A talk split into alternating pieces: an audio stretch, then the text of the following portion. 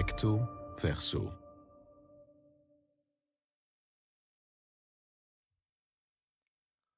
Hoe woorden stigmatiseren. Het gebruik van validistische uitdrukkingen en metaforen door Sahin Mohammed. Validistische denkpatronen zijn diep in ons taalgebruik ingesleten. Van denigrerende uitdrukkingen en zegswijzen tot de moeizame erkenning van gebarentalen. Volgens Sahin Mohammed is het hoog tijd om onze taal inclusiever te maken. Och arme, die vrouw is doofstom. Het moet vreselijk zijn om zo te leven. De woorden van een bezoekster die me voorbij liep terwijl ik een rondleiding in gebarentaal gaf bij een tentoonstelling in Bozar. Ik schrok heftig van deze opmerking. Ze had het over mij. Deze vrouw associeerde mijn doofheid met een mistroostig bestaan. Dat ze het etiket doofstom op mij plakte, maakte duidelijk dat ze de betekenis van deze term niet eens begreep.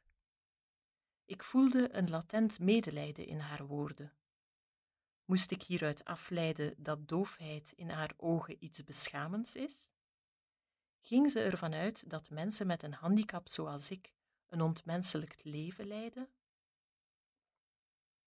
Ja, ik ben doof en ik druk me zowel mondeling als in gebarentaal uit. Hetzelfde geldt voor mijn dove vrienden. Ons stemorgaan werkt prima. We zijn dus niet doofstom. Sommige leden van de dove gemeenschap kiezen er gewoon voor zich enkel uit te drukken in gebarentaal zonder mondeling te spreken. Gebarentaal maakt deel uit van de dove cultuur. Deze taal spreken is een grondrecht dat de toegankelijkheid en de volledige inclusie van dove personen in de samenleving mogelijk maakt. Helaas vergt het begrijpen van doofheid echte inspanningen en moet men daarvoor uit zijn bevoorrechte positie komen. Hierarchie van talen. Waarom komt de term doofstom voor de dove gemeenschap zo hard aan? Omdat de term audistisch is. Autisme is een vorm van discriminatie die dove mensen vanwege hun doofheid ondervinden ten opzichte van horende mensen die de norm zijn. Behalve dus dat het fysiologisch incorrect is, laat de bewoording doofstom uitschijnen dat dove mensen geen stem hebben, alsof ze afgesneden zijn van elke normale communicatie. Dit vermeende onvermogen leeft helaas sterk bij de overgrote meerderheid van de horende mensen. Zij kunnen zich moeilijk voorstellen dat dove personen perfect kunnen communiceren dankzij de gebarentalen. Deze visuele talen vormen een gemeenschappelijke cultuur in de dove gemeenschap. Anderzijds zijn er genoeg andere mogelijkheden om te communiceren met mensen die geen gebarentalen kennen. Omdat mondelinge talen de norm zijn, worden gebarentalen als minder belangrijk of secundair beschouwd. Bovendien wordt de term dove taal vandaag de dag nog steeds gebruikt. Dit is echter geen gepaste benaming.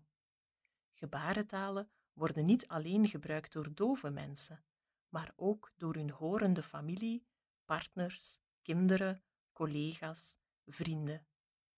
Het gaat ook niet over de gebaren alleen, maar over een volwaardige taal met een eigen lexicon en grammatica. Deze hiërarchisering en racialisering van de gebarentalen vindt zijn oorsprong in de 19e eeuw. Samen met de opkomst van de evolutietheorie verspreidde het idee dat gebarentalen restanten waren uit een eerder, eenvoudiger stadium van de taalontwikkeling. Een soort taal die enkel nog gebruikt werd door zogenaamd inferieure volkeren onderaan de evolutionaire ladder. Inheemse Amerikanen, Afrikanen en andere geracialiseerde groepen. Gebarentalen werden niet enkel geassocieerd met mensen van kleur, die afgeschilderd werden als primitief, maar ook met dieren. Vooral het beeld van de gebarende aap sprak tot de verbeelding. Zij die gebarentalen spraken, werden ervan beschuldigd te communiceren als primaten. Dit gedachtegoed kende zijn hoogtepunt in 1880 op het Congres van Milaan, een internationaal congres voor de verbetering van het lot der doven. Daar werd door de 255 deelnemers, voornamelijk Italiaanse en Franse onderwijsspecialisten, waarvan er slechts drie doof waren, beslist om in alle dovenscholen van Europa de orale methode in te voeren en gebarentaal te verbieden. Hun redenering was dat gebarentalen slecht zouden zijn voor de taalontwikkeling van dove kinderen. Leerkrachten mochten vanaf dat moment tijdens de les enkel gesproken taal gebruiken. Dove leerlingen moesten die les volgen via liplezen. De gevolgen waren verschrikkelijk. Dove leraren werden ontslagen omdat hun aanwezigheid niet langer nodig was. Meer dan een eeuw lang werden dove leerlingen gedwongen te articuleren en te oraliseren, soms met hun handen op de rug gebonden om te voorkomen dat ze konden gebaren. Dove kinderen die niet goed genoeg mondeling konden of wilden spreken, werden door de horende opvoeders en pedagogen als doofstom en dus als minderwaardige doven geclassificeerd. Oraal praten werd lang gezien als een voorwaarde voor intelligentie. Doof zijn en gebarentaal werden bijgevolg gelijkgesteld aan dom zijn. Deze opvatting gaat al eeuwen mee. Zelfs Aristoteles betoogde, meer dan 2000 jaar geleden al, dat gesproken taal de mens van het dier onderscheidde. Hij was ervan overtuigd dat het gehoor essentieel was voor de spraak en dat er zonder spraak geen gedachten zouden zijn. Hedendaags hersenonderzoek toont echter aan dat wie in gebarentaal spreekt, van precies dezelfde hersengebieden gebruik maakt als wie gesproken taal hanteert. Het is pas in de jaren tachtig dat de situatie langzaam veranderde en het gebruik van gebarentalen terugkeerde in het onderwijs. Er werden ook steeds meer demonstraties gehouden die om de officiële erkenning van gebarentalen ijverden. Een erkenning die er in Vlaanderen pas kwam in 2006. Die verandering of kentering die op gang kwam in de jaren 80 wordt ook wel eens het dove ontwaken genoemd. De dove verenigingen openden hun deuren voor horende mensen en boden gebarentaalcursussen aan. Dergelijke organisaties gingen in gesprek met theaterhuizen en filmproducenten, waardoor ze ook in het culturele veld probeerden te sensibiliseren. Validistisch vocabularium. Na die pijnlijke opmerking tijdens mijn rondleiding in Bozar begon ik me steeds meer voor taalgebruik te interesseren. Als alleen al het woord doofstom zo'n beladen geschiedenis heeft, op welke manier stigmatiseren de woorden die we nonchalant gebruiken mensen met een handicap dan nog meer? Al gauw werd ik er me pijnlijk van bewust dat mondelinge talen niet alleen seksistisch en racistisch kunnen zijn, maar ook onbewust handifoob. Validistische metaforen zijn in overvloed aanwezig in literatuur, kunst, film, popcultuur, media en het politieke discours. Je hebt vast wel eens uitdrukkingen gelezen of gehoord als zich blind staren op iets, potdoof zijn of in het land der blinden is één oog koning. Handicap steeds als een negatieve metafoor hanteren vergroot het stigma voor mensen met een handicap. Taal vormt onbewust onze voorstellingen. Ze prent ons zo in dat een handicap iets negatiefs is en gelijk staat aan gebrek of verlies. En ja, het is maar een kleine stap van negatieve connotaties naar discriminatie. Van jongs af aan worden mensen met een handicap met dit denigrerende taalgebruik geconfronteerd. Het kan een laag gevoel van eigenwaarde en zelfs zelfhaat in de hand werken, wat bij sommigen kan leiden tot depressieve of suïcidale gevoelens. Om nog maar te zwijgen van het feit dat deze validistische woorden en uitdrukkingen vooroordelen, discriminatie en geweld tegen personen met een handicap legitimeren. Zij impliceren namelijk dat er een hiërarchie bestaat tussen valide lichamen, die de norm vormen enerzijds, en invalide, zieke, gebroken lichamen die dringend moeten worden hersteld anderzijds.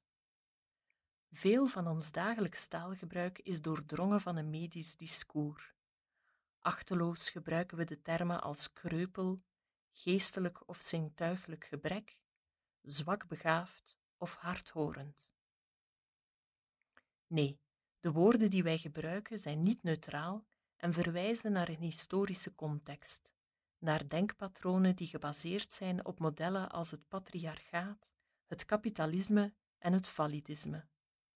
Het deconstrueren van deze linguïstische reflexen vergt tijd en is een hachelijke onderneming, omdat we er zo aan gewend zijn verandering als een bedreiging te zien.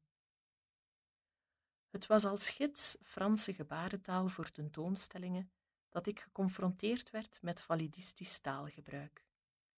Het is vanuit dezelfde positie dat ik validistisch taalgebruik wil herdenken.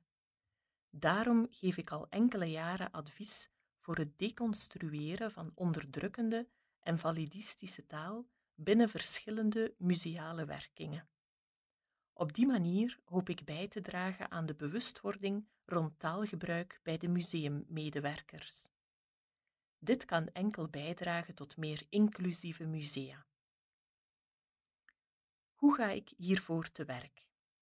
Allereerst identificeer en bevraag ik validistische woorden, uitdrukkingen en metaforen in de catalogus en zaalteksten. Wat betekenen blinde woede of iets in de doofpot steken in de collectieve verbeelding?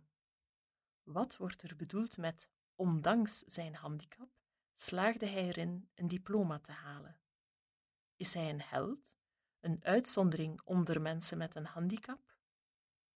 Ik stel voor om elk woord af te wegen en dan de tijd te nemen om na te denken over het veranderen van de betekenis.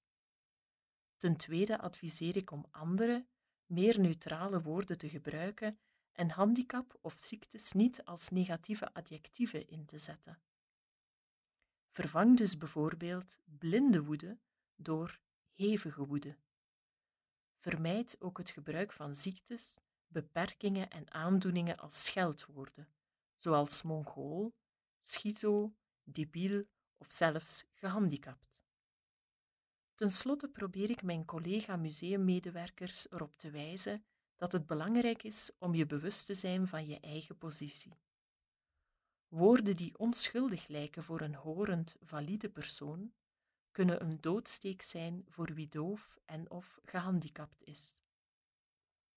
Hou rekening met het feit dat mensen met een handicap een mentale last te dragen hebben, naast hun dagelijkse moeilijkheden in een maatschappij die bedacht is door en voor valide mensen.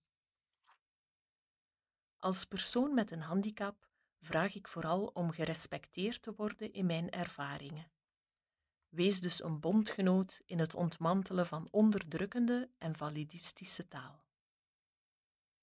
Bio Sahin Mohammed, 1979, is een gebarentaalgids in musea, onder andere Beaux-Arts te Brussel.